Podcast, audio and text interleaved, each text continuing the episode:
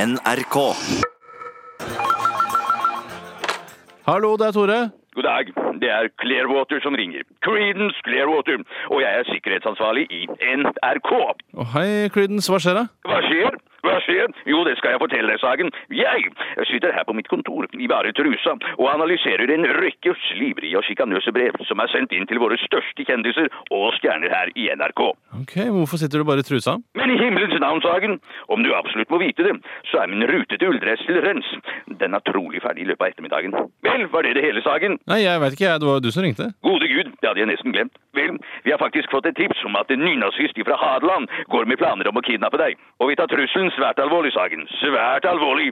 Ja, men det er jo sikkert bare tull, da. Vel, jeg hadde kanskje tatt tipset en smule mindre alvorlig, hadde det ikke vært for at Ivar Dyrhaug en gang ble kidnappet av en nazist. Herregud, Creedence. Ble Ivar Dyrhaug kidnappet av nazist? Ja, ja, tenk, Ivar Dyrhaug, en av våre største stjerner, ble kidnappet. Og slyngen som sto bak ugjerningen, var så frekk å forlange løsepenger. Jøss, det var sikkert mye penger òg, det da, eller? 400 kroner, Sagen. 400 kroner. Et avsindig beløp den gang. Men NRK var rede til å betale hva som helst for å få sin største stjerne tilbake. Ja, Så dere betalte, da, eller? Hva sa du? Hva? Det er det verste jeg har hørt.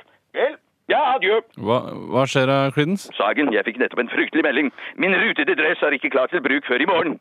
Gode gud. Ja, det var jo dumt, da. Men hva skjedde med Ivar Dyrhaug, da? Men herregud, hva med meg da, Sagen? Hva med meg? Ja, kan ikke du få sendt opp en ulldress fra kostymeavdelingen eller noe sånt nå? Strålende, Sagen. Aldeles strålende. Vel, takk for samtalen. Men hva med meg? Hva skal jeg gjøre, og hvordan gikk det med Ivar Dyrhaug, da? Ivar Dyrhaug, jo han klarte å rømme fra sin kidnapper, som viste seg å være en gammel frontkjemper.